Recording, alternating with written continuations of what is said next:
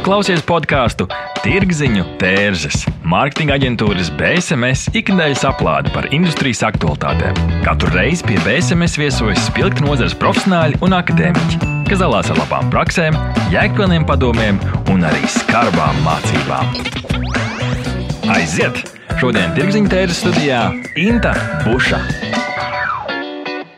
Sveiciens mūsu 61. epizodē. Šodien mēs runāsim par sociālajām kampaņām.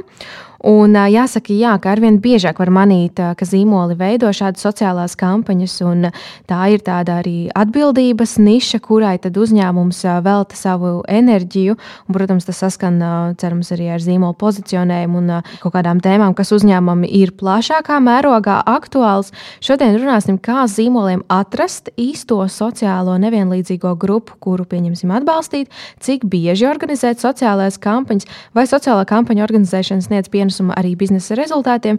Uz šiem un citiem jautājumiem runāsim kopā ar viesiem Elena Kikuste, Mārs Latvijas tirzniecības aktivitāšu menedžere pārtikas un dzīvnieku barības segmentā, kā arī Kristīne Tjārve, komunikācijas profesionāli ar 18 gadu stāžu, uzņēmuma C-Smart vadītāja, Latvijas asociācijas sabiedrisko attiecību profesionāļiem valdes locekle.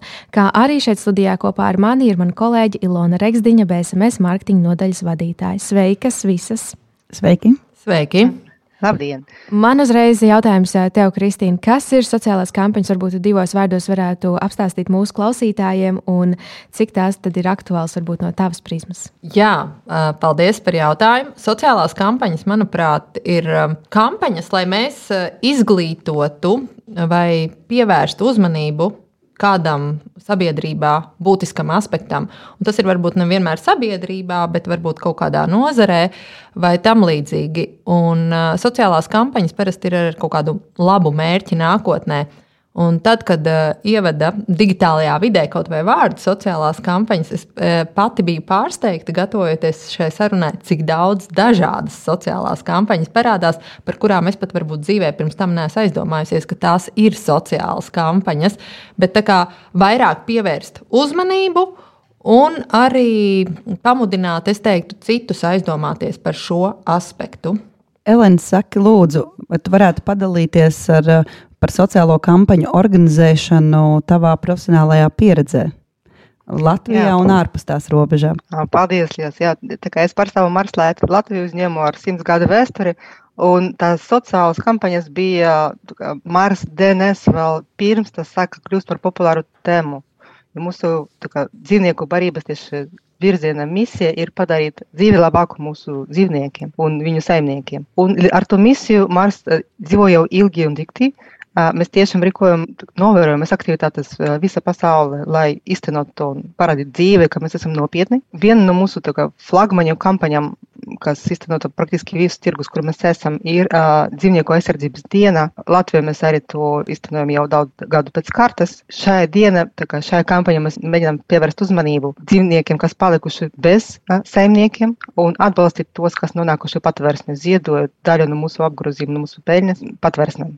Cik jūs bieži uh, šādas kampaņas rīkojat? Dzīvnieku aizsardzības diena ir viena reize gada 4. oktobrī. Mēs to uh, darām ik gadu. Papildus tam mēs arī strādājam ar mūsu lielākiem tirdzniecības partneriem, lai darītu biežāk uh, lokāli. Mēs sadarbojamies ar lielākiem tīkliem un rīkojam atsevišķas kampaņas, kā piemēram Mīluļu dienas vai ziedojumu dienas ar, ar, kopā ar Rīmi arī vācot ziedojumus un pievērst uzmanību šai tēmai. Mēs jautājām ar Norstat palīdzību, cik lielā mērā jūs atbalstāt sociālās kampaņas, un vispopulārākā atbilde ir daļēji atbalstu, tā norāda 42%, pilnībā atbalsta 12%, 10% saka daļēji neatbalstu un 6% pilnībā neatbalstu. 30% ir grūti pateikt. Kā jūs komentētu šos rādītājus, Kristīne? Es domāju, ka cilvēki uzreiz nevienmēr saprot, kas ir sociāla kampaņa. Nevienmēr, un reizēm tas ir. Gribētos vilkt paralēlus ar labdarību, bet nevienmēr tā ir labdarība. Tāpēc, ka, sociāla, kā jau teicu, sociālā kampaņa ir ar uzmanības pievēršanu kādai tēmai, aktualizēšanu, vai arī ar sabiedrības attieksmes veidošanu.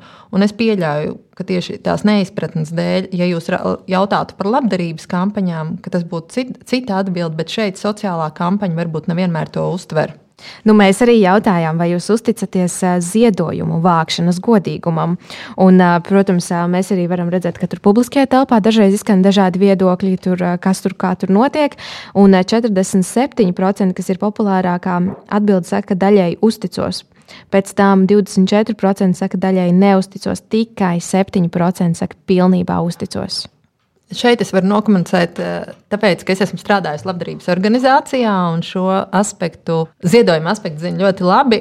Te es pieļauju, ka tie, kas vairāk neusticās vai daļēji uzticās, viņiem nav bijusi tā pieredze ar šo caurspīdīgumu, ka tiek eh, parādīts, kur tas labdarības, eh, labdarībai ziedotais līdzeklis tiek iztērēts, kur, tā, kur tie līdzekļi aiziet.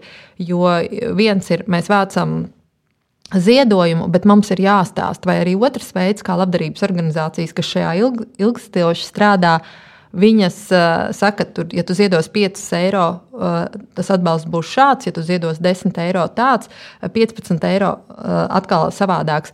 Un to saprotot, ilgstoši strādājot labdarības jomā, mēs esam sapratuši, ka tas ir jānorāda. Arī līdzīgi, ja jūs uzņēmumiem rakstīsiet vēstuli par to, atbalstiet mūsu uzņēmumu vienalga ar kādu summu, jūs eh, visdrīzāk nesaņemsiet to ziedojumu. Bet, ja jūs uzrakstīsiet konkrētāk, ja jūsu uzņēmums ziedos 50 eiro, konkrētam mērķim, 100 eiro konkrētam mērķim un 200 eh, eiro tam, tad tādā veidā notiks ziedojums. Tas ir uh, pilnīgi pierādījies pēc tādas cilvēku uzvedības. Tā kā saprotot uh, to, jā, caurspīdība, atspoguļošana, kur mēs to ziedojumu iztērējam, vai precīzi pamatots, un, protams, arī uh, tādā kontekstā, ka mums ir parādīts arī plašsaziņas līdzekļos, ka ir arī negodīgas kampaņas, vai ne? Mēs mm -hmm. to mhm. zinām. Un, protams, runāt, kas ir uzticamas organizācijas, vai kādā veidā pārbaudīt, vai kas ir tie partneri, caur kuriem organizēt šādas labdarības kampaņas. Tad jau tas ir daudz uzticamāk. Jūs noteikti paskatīsieties Latvijā, tad plašākā ir ziedot LV, caur kuru notiek daudz ziedojumu, bet ir arī citas, gan vietējais vietējās organizācijas, gan starptautiskas. Un, tad viņām ir pieredze šai ziedojuma vākšanā dažādos kontekstos. Par to mēs varētu runāt laikam stundām ilgi tieši par ziedojumu kampaņām un to atšķirību, ko mēs arī savā laikā. Strādājot Latvijas Sasbērnu ciemata asociācijā, kā mēs ieviesām tā saucamo door-to-door -door akciju, kā man tas gāja. Pirmo reizi Latvijā kaut ko tādu organizējot, eh, tāpēc, ka nav cilvēki pieraduši arī, ka tev pie durvīm ir pieklausīts. Amerikā tas ir ļoti populāri. Jā, mēs eh, tieši arī sākām strādāt ar organizāciju, kas to bija ārvalstīs arī īstenojusi un mūsu kaimiņu valstīs. Uh, vai uh, mums ir kaut kādi ierastie veidi, ziedojuma kastīte, bet nu, tas pats arī patstāvīgais ziedotājs. Arī tas ir ienācis no ārvalstīm, ka man nevajag ziedot tikai uz Ziemassvētkiem. Es patstāvīgi katru mēnesi ziedoju kādai organizācijai. Tā kā tas labdarības aspekts. Es gribētu, lai to Latvijā mācītu augstskolās, jeb to angļuisko fundraising, jeb tās plašās iespējas, ko es esmu redzējusi strādājot starptautiskās labdarības organizācijās, kur mums trūkst to zināšanu. Un, ja mums būtu zināšanas, ka to varētu apgūt arī augstskolās, tad es domāju, ka daudz vienkāršāk būtu arī sabiedrībā vairāk veidot šo izpratni. Eh, kādas ir tās formas un kādā veidā es varu, vai tika, ne jau tikai ziedojuma kastītē, nevis tikai piezvanot uh, pa telefonu, bet daudz plašākas. Varbūt varat padalīties praktiskos piemēros, kuras ir veiksmīgas sociālās kampaņas. Par veiksmīgām sociālām kampaņām man nāk prātā uzreiz ceļu satiksmes drošības departamenta eh, organizētās, jeb CSDD kampaņas. Jo viņiem ir katru gadu, protams, šīs, kā es saku, pirmsjāņu kampaņas, nebrauc dzērumā, vai ne? Tā mēs viņus varētu nosaukt. Un, uh, ņemot vērā, ka nu, ir jāpievērš šai aktualitātei sabiedrības uzmanība. Un ar katru gadu es saprotu, ka samazinās tas mm, saka, pārkāpēju daudzums, arī, bet pateicoties ilgstošām šādām izglītojošām kampaņām, man kas nāk. Pirmā es vēl uzreiz arī pateikt par neveiksmīgo kampaņu no pagājušā gada Knāba aizbergs. Viņi bija tā kā sociāla kampaņa, bet mēs esam daudz arī ar komunikācijas nozares kolēģiem diskutējuši. Ideja jau bija laba, bet eh, nebija padomāts par daudziem zemūdens akmeņiem. Tā mēs to varētu teikt. Un, eh, ja kopumā skatās uz sociālām kampaņām, ir jāstāsta, kāds ir tas mērķis. Eh, jo mēs no sabiedrības viedokļa nevaram pateikt, kas ir veiksmīgi, kas nav veiksmīgi. Tas ir jārunā ar katru kampaņas īstenotāju, kāds bija viņa mērķis un kāds ir sasniegtais rezultāts. Jo Uzklausot arī kolēģis teikto par to, ka uzņēmumam Mars ir ar simts gadu vēsturi, tas ir iekļauts vīzijā un misijā. Es sev piefiksēju, ka tas ir, tas ir organizācijas asinsrite, jeb dzīvesveids, ka mums ir jāveido, jāsniedz kaut kas atpakaļ, ne tikai jā, jās, jāsaņem peļņa. Un patiesībā, klausoties un domājot, man liekas, ka tās sociālās kampaņas ir radušās pateicoties labdarībai. Pateicoties labdarībai, jo tas pirmais varbūt solis, tad, kad labdarība attīstījās, bija sākumā ar ziedojumiem. Un šeit eh, tā mana pamatlieta sabiedriskās attiecības, un es atceros vienmēr sabiedrisko attiecību vēsturi, ka pirmie sabiedrisko attiecību tādi arī kampaņas jau vairāk kā pirms simts gadiem Amerikā baznīca sāka izjust nepieciešamību pēc arī līdzekļiem, un tad viņi izmantoja pirmos publicitātes um, pakalpojumus, nu, kā, lai šo popularizētu. Un, uh, attīstoties pamazām šai labdarībai, attīstījās arī ilgspējas uh, jautājumi un daudzas lietas, kas jau ir iegājušās uh, nu, tādā ilgtermiņā domājošu organizāciju dzīvesveidā, jeb darbības veidā. Tā kā, nu, tās ir divas lietas uh, par tām veiksmīgām, neveiksmīgām, un kā, man, kā es redzu, kā tās sociālās kampaņas ir laika gaitā attīstījušās. Un, uh, protams, tas jau ir um, stāsts. Eh, viens ir jā, mainīt sabiedrības uzmanību kaut kādā aspektā, bet otrs, mēs jau kā zīmols iegūstam eh, sev arī atpazīstamību. Mēs ilgtermiņā strādājam uz to savu pozitīvo tēlu, jo kas tad ir beigās? Mēs jau gribam to reputāciju. Un, ja mūsu patērētājam, ja mūsu klientam ir svarīgi kaut kādi aspekti, un mēs uz šī kā, noķeram to un darbojamies šajā virzienā, tad, protams, patērētājs par to nobalsos ar savu naudas maciņu. Ar savu naudas maciņu, ar savu laiku vai ar savu uzmanību. Elena, varbūt tu varētu padalīties ar, ar pieredzi, kas tavuprāt ir jā, veiksmīgākā un, un varbūt arī uzreiz neveiksmīgākā sociālā kampaņa. Jā, noteikti. Es arī es ar, ar prieku vēroju patiesībā, ka šī sociālā kā, dienas kārtība vairāk un vairāk tiek izmantota arī komercdarbībā, tāpēc ka es redzu šeit ļoti lielu nezinu, pa, papildus lauku, lai vāktu to naudu un tos, tos līdzekļus labiem mērķiem. Es ar, tiešām sekoju līdzi tam, kas notiek tirgu, un ar lielu interesi. Man ir divi mīluļie kampaņas. Man viņi patīk tieši tāpēc, ka viņi ir, manuprāt, es, protams, nezinu no finansiālas KPIs, ar ko tas beidzas, bet izskatās, ka viņi ir stabi, kā, ilgspējīgi no finansiāla viedokļa un arī nes to labu, labu gaismu. Viena no tām ir zīmola avenija un neapēd zemeslodzi sadarbība. Tas, principā, nu, ļoti tādās sinerģijas piemērs, ja, kā, kā neapēd zemeslodi. Tas ir kustība, kas uh, promotē dažādas zaļas iniciatīvas, tā skaitā arī pārslēgšanu, palielināšanu vegāna uzturu, kā, pi, populācijas pieredzināšanu pie vegāna uztura, popularizēšanu. Un Avenīte ir mums lokāls uzņēmums, kas ražo veganiskus saldumus. Līdz ar to viņi atraduši ļoti labu tādu, man šķiet, tādu mīdarbību. Uzņēmumu ir tā līdzīga, teiksim tā, mēroga. Ar abiem tā misija ir tieši inkorporēts to, ko viņi dara, tāpēc kā viņi ražo tos veganiskus produktus. Un viņi laba dara, dara labu darbu, tā ir zaļa iniciatīva, bet tā arī ir ko, viņu komercdarbība. Sadarbojoties ar to, tā, kā, ar to kustību ar NGO, viņi dabū arī kā, uzticību, dabū arī pie, pie, saņem pieeju pie tās mērķa auditorijas, kas uh, piedalās šajā kustībā. No otras puses, viņi tiem, kas piedalās tajā kustībā, viņi arī piedāvā patīkamas atlaides savai produkcijai. Tas man šķiet, tā ir tieši tā situācija, ka visi ir, uh, ir, ir Vien-vien ieguvēt. Vien, vien, jā. un, un tas ir, un tas ir risinājums, kas arī biznesam palīdz augt. Tas ir viens no, kā, maniem pēdējiem atklājumiem. Otrais, es uzreiz atceros, tas jau bija pirms kāda laika, bet es joprojām atceros kampaņu, kad man šeit viena no bankām popularizēja tieši internetu banku. Un, jūs zināt, bankas tirgus ir diezgan tāds bez liela pieauguma. Ja, populācija ir tāda, kā ir visiem bankas konti ir, un arī internetbanka, bet ir, bija viena sociālā grupa, kas to pārāk intensīvi neizmantoja. Tie bija vecākā gadu gaita cilvēki. Un tas arī, ka banka palaida popularizētas kampaņu, lai bērni palīdzētu saviem vecākiem saprast, kā, arī, kā izmantot internetu banku. Un kopā ar to vispirms tas, tas atvieglo vecākiem cilvēkiem ikdienas darbības, un tas bankai atver ceļu pie jaunas mērķa auditorijas, principā, paplašina banka iespējas. Ar to man šeit tieši tādas tā kā, sinerģijas modeļi, viņi ļoti ilgspējīgi un tieši dod papildus iespēju darīt labus darbus un mainīt sabiedrību uz labu, pie tam ļaut organizācijām pelnīt arī naudu. Tātad, ja es to pareizi sadzirdu, tad īstenībā ir uh, veiksmīgas sociālās kampaņas atslēga ir uzņēmuma pamatdarbība, kas ir saistīta ar atbalstāmo jomu.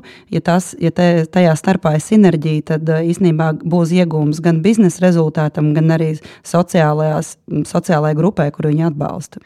Jā, tieši tā. Tagad ir tas trends sociālām kampaņām. Tiešām, un mēs redzam arī pēc statistikas, ka cilvēki nezina pasauli pēc pēdējiem pētījumiem, ka 77% no patērētājiem, ja viņi dod priekšroku pie pārējiem līdzīgiem radītājiem, viņi dod priekšroku zīmoliem, kuram ir tas, kā, kur piedalās tā sociālā atbildība kampaņas. Līdz ar to ir liels kārdinājums tur ielikt, vai ne? Bet, nu, kā, jābūt ļoti izvēlīgiem, jāsaprot, ka tas ir drusnīga laulība. Ja? Nu, kā, jums jābūt kopīgiem mērķiem, jums uh, jādomā par to, ka jūs dzīvosiet kopā ilgi un laimīgi. Uh, un ilgspējīgi. Uh, uh, un līdz ar to, nu, piemēram, jūs ražojat smagu tehniku, un pēkšņi jūs paziņojat, ka jūs atbalstīsiet, nezinu, tamburēšanas kustību un tamburēšanas pulciņu pieejamību pensionāriem. Ja? Tas ir ļoti jauka doma, un pensionāriem ir visas tiesības pavadīt laiku iekpilni. Bet varbūt jūsu auditorija nesapratīs, kāpēc tieši jūs, kāpēc tas ir vienreizēji pasākums, un tas neizklausīsies, mm -hmm. ka tas ir no sirds un pārdomāti. Jā. Līdz ar to es domāju, jāsāk no tā, ka tā kā, jāsaprot, ko jūs darat, kāds ir mērķis, kādu auditoriju jūs gribat uh, uzrunāt. Un kā, tas, kā, kā tas iet kopā ar visu jūsu organizācijas kopīgo uh, komunikāciju? Kristīna, tu gribēji kaut ko piebilst vēl? Jā, klausoties kolēģi, man nāca prātā uzreiz vēl veiksmīga kampaņa, un varbūt ne tik veiksmīga tieši ātrās modes kontekstā. Noteikti laba kampaņa bija 20. gadā Zaļais punkts, ko īstenoja viena no komunikācijas aģentūrām. Kad man nav ko vilkt mugurā. Viņi taisīja Rīgas centrā, Kronvalda parkā arī tādu lielu instalāciju, kur tās drēbes bija samestas, cik mēs vidēji katrs tur vai kopā Latvijas iedzīvotāji gadā izmetam atkritumos. Un šādas kampaņas, nu, tad, tad, lai pievērstu uzmanību šai fast fashion tēmai, manuprāt, ir ļoti aktuāls. Ir sevišķi mūsdienās arī izglītojot gados jaunāku auditoriju, tā mēs to varētu teikt, vai ne? Un, un kā, organizējot tādu aprits ekonomiku. Un otrs ir ļoti uzmanīgi jādomā. Protams, zaļais aspekts, bet par to es saprotu, ka mēs vēl varētu vēlāk aprunāties. Bet par zaļo aspektu arī ir daudz tādas kampaņas starptautiski, kas it kā, nu, kā ir sociāls, bet tai pašā laikā tur būtu jāapskatās, cik viņas ir sociāls. Mm -hmm, tieši tā.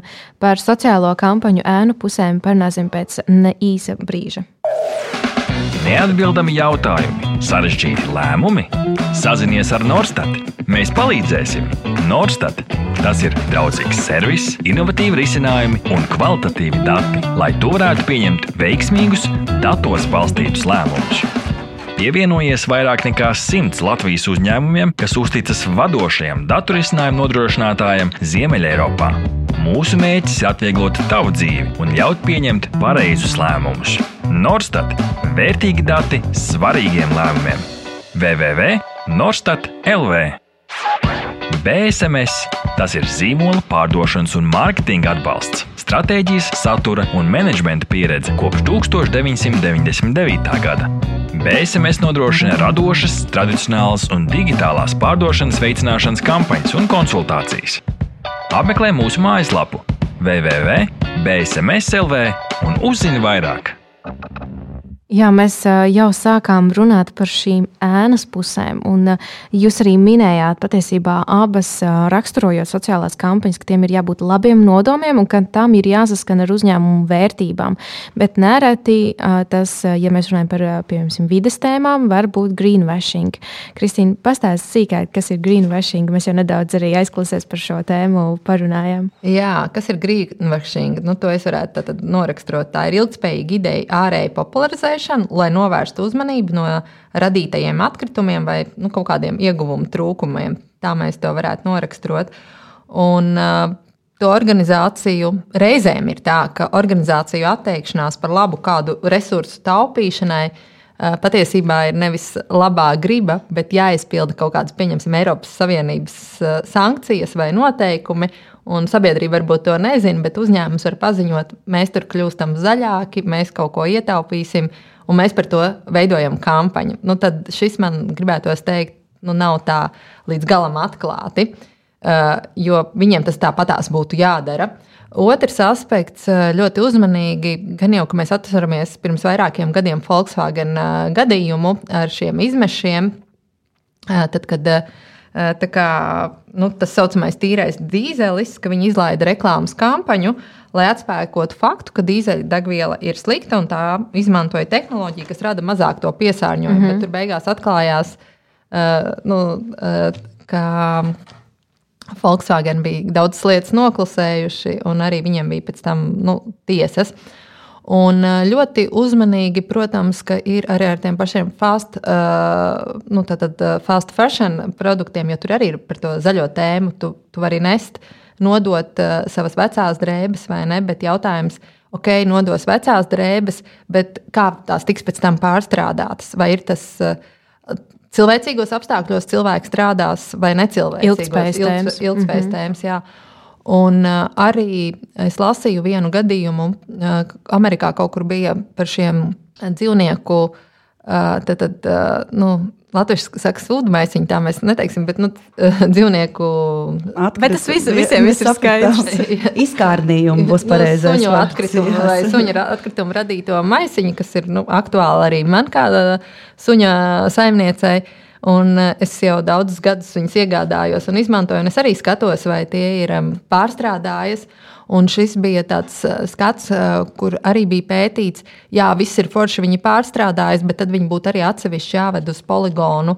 Uz šādu pārstrādi, jo ko mēs darām? Mēs nopērkam šos dārgākos maisiņus ar domu, ka mēs darām labu, labāku kaut ko sabiedrībai, bet mēs viņus izmetam parastajā miskastē. Mm -hmm. Tā mēs to varētu teikt. Tā kā šeit ir ļoti uzmanīgi sekot tām lietām, kā tas realitātē saskan tiešām ar to zaļo tēmu. Vai tiešām pasaulē daudzreiz ir um, ūdens ražotāji, kur iestājas, uh, nu, kad ja jūs nopirksiet šo pudeli.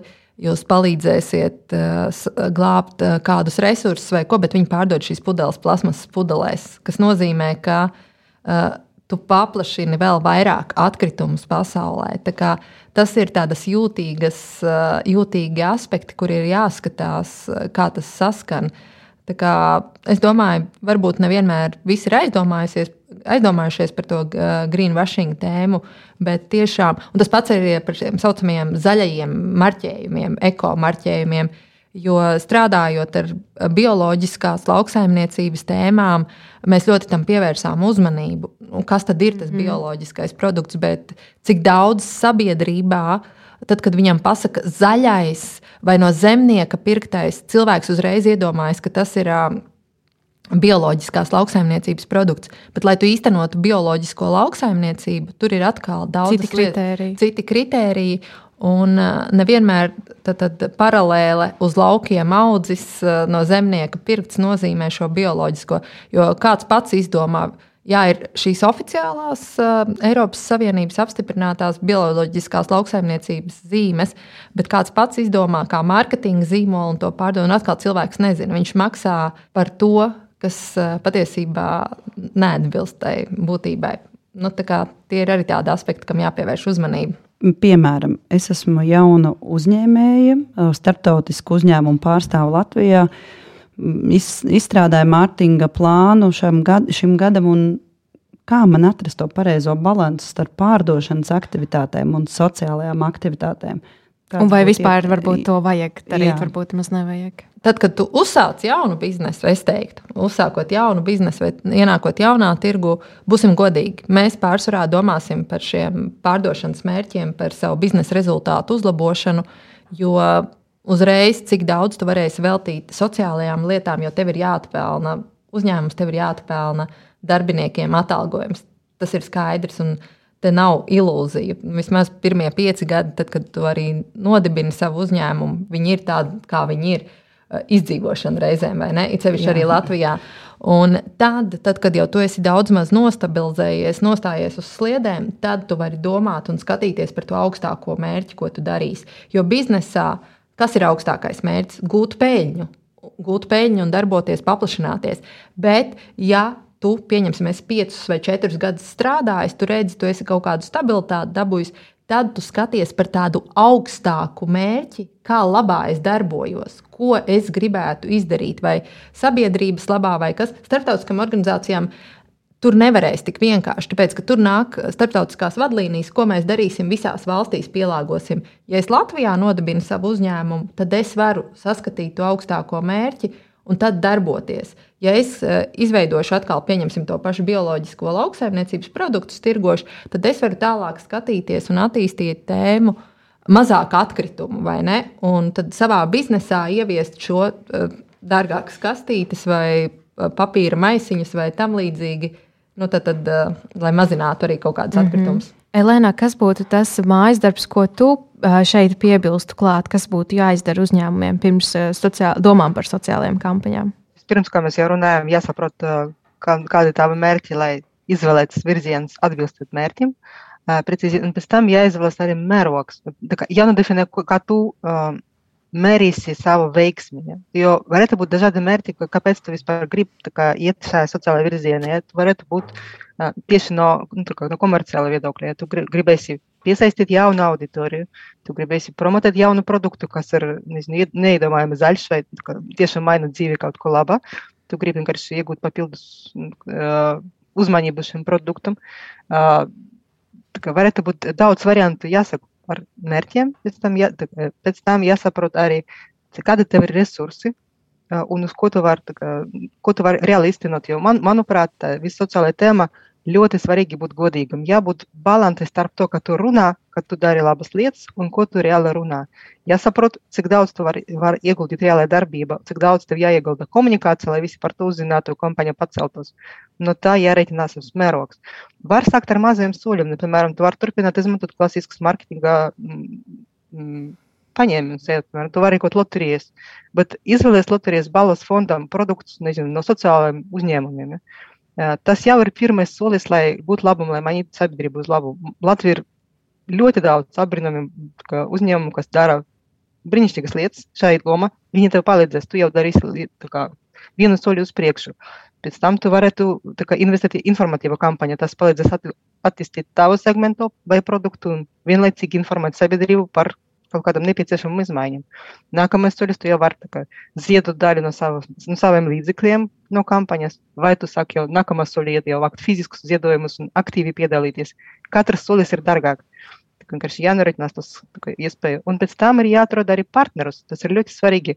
Ļoti dārgi un sarežģīti to ilgspējīgi darīt vienam pašam. Es uh, stipri ticu, ka mums visiem jāmeklē, visam iesaistītājiem pusēm, uh, uh, ražotājiem, tirdzniecības partneriem, sabiedrības organizācijām jāmeklē to sadarbības modeļi, kas uh, ļautu mums radīt to sinerģiju. Viņu vienmēr var atrast, tikai dziļāk jāpameklē. Tas prasa darbu un laiku, kad tu to atradīsi, tu vari darīt to atkārtot ilgspējīgi ar labiem komerciāliem radītājiem. Jā, nu, mm -hmm. Pēc tam veiksmīga iztenošana un vēl viena man šķiet ļoti svarīga lieta uh, - jāiesaista aktīvi savus darbiniekus. Jo cilvēkiem tiešām, kas strādā kam, kā, organizācijā, ja viņi netic tam, ko tu dari, neviens tam neticēs. No otras puses, ja viņi tic, ja viņi zina, ko tu dari, viņi, viņi reāli zina visas darbības un viss, kas notiek. Viņi ir liecinieki. Ja, ja viņi būs pārliecināti, kas notiek, viņi nesīs to labu vēstu arī ārpus organizācijas un vairos šo kampaņas nu, kredibilitāti. Man liekas, ļoti svarīgs komentārs, Elēna, ko tu teici, ir par sadarbību. Jo sociālajām kampaņām patiesībā bieži uzņēmums izdomā, o, oh, man rekur šī tēma ļoti aktuāla, bet iespējams ir jau desmit organizācijas, kas jau desmit gadus pie tā strādā un uh, apmainoties zināšanām un palīdzot viens otram, iespējams, tas sociālais mērķis ir daudz sasniedzamāks. Kristīna, tu iepriekš arī minēji par to fundraising, ka, ka tā ir tēma, ko augstskolās vajadzētu mācīt, un man uzreiz ienāca prātā, ka uh, pirms pāris gadiem Facebook arī ievies šādu funkciju, ka jebkurš var uh, vākt ziedojums kaut kādai savai sociālajai iniciatīvai.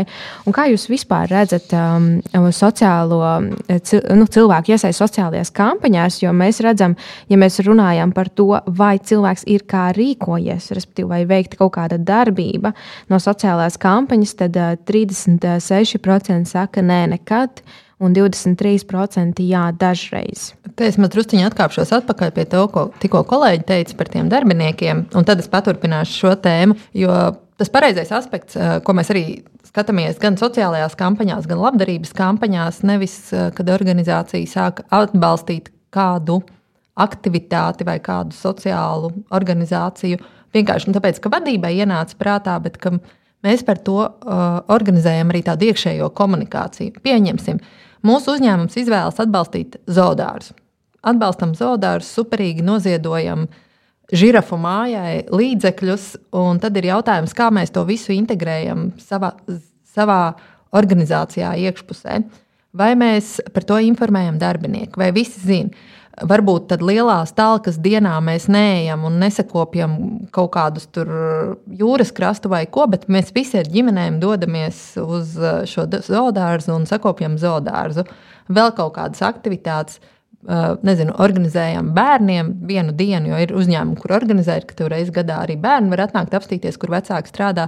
Viens tad nu, arī par kaut kādām šīs tēmas iekļaujam. Tas ir būtisks aspekts, un tad cilvēki saprot, Otrs, arī paturpinot šo darbinieku tēmu un to izpratni, kāda ir atdeve no labdarības kampaņām, nu, šajā gadījumā labdarības, jo tu minēji arī par to ziedojumu, ir tā, ka ir jāsaprot, ka ne jau tikai nauda ir tas uh, labums, ko mēs varam dot. Tas ir uh, tāds maldīgs uzskats, ja tas ir vienkāršākais, ar ko mēs varam, ja mēs tā drīkstam teikt, atkratīties. Es iedošu naudu, noziedošu naudu, un ir labi ļoti būtisks aspekts daudzās organizācijās, nevalstiskās organizācijās, ir arī tas cilvēku resurss un laiks. Un arī strādājot ar um, savā laikā ar uh, šiem Sasbērnu ciemata asociācijas uh, kā, asociācijā, mēs arī sadarbojāmies ar organizācijām, kur darbinieki brauca, tikās ar bērniem. Mm -hmm. Uh, piedalījās kādās sporta aktivitātēs, galda spēlēs. Veltīja savu laiku. Tas ir būtiski ka uzņēmuma darbinieks saprot, kā viņš var dot savu ārtavu, bez tā, ka uzņēmums varbūt ziedo līdzekļus eh, kaut kādas lietas būtībai. Un tas pats arī. E, Negribās jaukt to tēmu, bet ļoti laba pašlaik ir organizācija, nu, palīdzēt bēgļiem, ja? kur ir cilvēki gan savu personīgo laiku iegulda uh, resursus, lai palīdzētu. Un, protams, ir citas organizācijas, kuras saprot, ka es šajā brīdī nevaru ieguldīt laiku vai cilvēku resursus. Mēs iedodam tos līdzekļus, vai mēs iedodam mantas. Un arī uh, vēl viens veids, tā tad ir laiks, manta kāda vai ne, vai trešais ir tā, tā naudiņa. Un tad arī šī, kā tu minēji, Facebook ieviesi vai kas, manuprāt, tā ir lieliska iespēja, jo cilvēki, kur ir savā dzīvē sasnieguši jau zināmu stabilitāti, viņiem tās dāvanas nav svarīgas. Un tā iespēja, ka es uz savām sev nozīmīgiem dzīvē pasākumiem, aktivitātēm, nezinu, uz kāzām, uz jubilejām, kur organizēju labdarības kampaņu publisku, uh, vai aicinu kā, manos svētkos noziedot kādai organizācijai, jauniešiem stipendijai vai tam līdzīgi, tas ir no pasaules nācis, un es priecājos, ka mēs Latvijā aizvien vairāk to izmantojam. Tad, tad, nu, man nevajag, kā es smējos, kārtējo puzli vai kārtējo sveci vai skaistumkošanas produktu, bet uh, lūdzu tos līdzekļus, ko jūs būtu veltījuši nopirkt man ziedus vai tam līdzīgi, nu, tad, tad ziedojiet. Uh, Ir arī skumīgi notikumi, protams, bērns, bet arī ir ienācis no ārvalstu pieredzes, ka pietiekami daudzi arī diasporas latvieši. Tātad, Saka, nenesiet man uz bērniem ziedus, bet ziedojiet, redz, kur kādam konkrētam mērķim. Tas ir līdzīgi. Nu, kā, jo tie ir aspekti, kā jau saku, mums ir jāmācās tās iespējas, cik plaši mēs varam palīdzēt kopumā tad, tad ka nav tikai kaut kāda šaura lietiņa, ko mēs varam darīt. Tās iespējas ir neierobežotas, es teiktu. Es varētu padalīties ar vienu pieredzi. Tātad Rīgā Latvija liels uzņēmums, kā viņi. Eh, kā viņi atbalsta darbiniekus. Es sadzirdēju, ko arī jūs abas divas teicāt, ka tas jāiznes caur darbiniekiem. Uh, Kā zinām, tad Rimī Latvija arī tiek, tiek atvesti vairāki un dažādi produkti, kurus izlemj pieņemt vai nepieņemt sortimentā. Tie tiešām ir daudz no dažādām kategorijām. Un, ko dara iekšēji uzņēmumā? Šīs preces tiek atliktas malā. Un reizi kvartālā notiek tirdziņš darbiniekiem, kur pa, pa, pa pieņemamām naudām šos paraugu preces var nopirkt un tā iegūtā nauda no, no pārdotajām precēm tiek noguldīta fondā, kuras, ja nu gadījumā darbiniekam ir kādas uh, problēmas, slimības, nelaimes, jebkas uh, no, šīs, uh, no šī fonda tiek izņemta nauda un ziedota.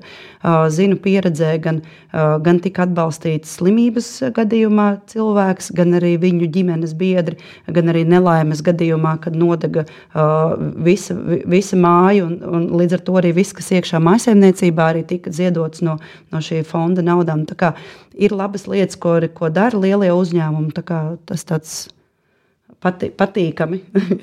es varu mm. paturpināt te mazliet arī to, ko ieskicēja arī kolēģi par to sociālo uzņēmumu tēmu. Tā ir atkal cits tā, aspekts. Tā ir atsevišķa. Tā ir atsevišķa tēma, bet uh, vienkārši tad, kad min arī Rimī, uh, viņi bija arī viena no pirmajām organizācijām Latvijā, kas deva darbu cilvēkiem ar īpašajām vajadzībām.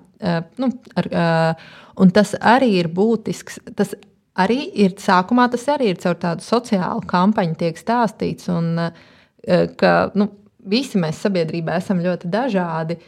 Un, starp citu, nu, eh, saka, lai pievērstu uzmanību un lai mudinātu arī citus uzņēmumus atvērt durvis eh, šādiem darbiniekiem. Es atceros, bija pirms daudziem gadiem arī tādas kampaņas. Tā tas ir arī viens aspekts, un manuprāt, tas ir būtiski uh, nu, parādīt, vai arī pirms vairākiem gadiem, nu, tad, kad saprot, ka mazumtirdzniecības ķēdēs trūks darbinieku, atkal plašākas tādas sociālas kampaņas par uh, cilvēku, kā es saku, dzīves pieredzi vai ja vecāku cilvēku mudināšanu pieņemt uh, darbā. Man liekas, nu, ka šīs ir arī labas. Uh, sabiedri, iekļaujošas sabiedrības veidošanā. Tā mm -hmm. Mēs uh, finišējām šo epizodi lēnām, bet uh, jā, tad nobeigumā vēlos jums jautāt, kas būtu tie jūsu ceļavārdi vai ieteikumi vai novēlējums mūsu klausītājiem. Mēs saprotam, ka mūsu klausās arī gan daudz komunikācijas, PR speciālistu, mārketinga speciālistu, uzņēmumu vadītāju. Ko jūs viņiem uh, ieteiktu at attiecībā pret tēmu sociālās kampaņas?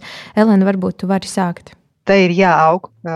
Tas tiešām ir labs virziens attīstībai arī biznesam. Uh, tikai mums būtu ļoti skaidri un ļoti caurspīdīgiem, ko mēs darām, kāpēc mēs darām, kāds ir reāls labums, ko mēs sasniedzam. Un jāmeklē sadarbību. Nemēģinām to darīt vieni paši. Saliekot resursus, dažādas resursus kopā, kā jau kolēģi minēja, tad var būt dažādi. Tā var būt nauda, zināšanas, komunikācijas kanāli, distribūcijas kanāli, ražošanas platības. Jebkas saliekot dažas galvas kopā, tā rada brīnišķīgas iespējas būt gan komerciāli stabilam, galvenais, galvenais labums sabiedrībai. Kristīne? Jā, tā, tam godīgumam un atklātībai es teiktu, nu, kā no komunikācijas puses, tomēr lūdzu veidojiet ne tikai šo ārējo komunikāciju, bet arī iekšējo komunikāciju.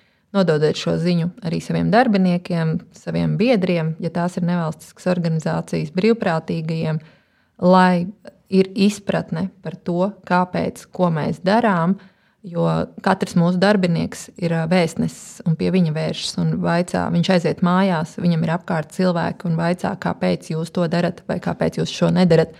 Un tā kā atceramies gan par iekšējo, gan par ārējo komunikāciju organizācijās. Ilona? Man jā, bija patīkami prieks jūs abas divas dzirdēt no dažādām pusēm un vērtīga informācija. Tas, ko es paņemu priekš sevis kā ceļu maizi vai ceļu vārdus, ir tas, ka jābūt transparentiem. Jo, jo mēs, jo es, jā, es, es darbojos komercjomā un, protams, kad galvenais, ko mēs par ko domājam, kad, kā sasniegt biznesa rezultātus. Bet, ja, tu, ja, ja sociālās kampaņas organizēs transparentas, tas dos uh, gan pienesumu gan, gan tavam biznesam, gan arī būs uh, norganizēta veiksmīga sociālā kampaņa.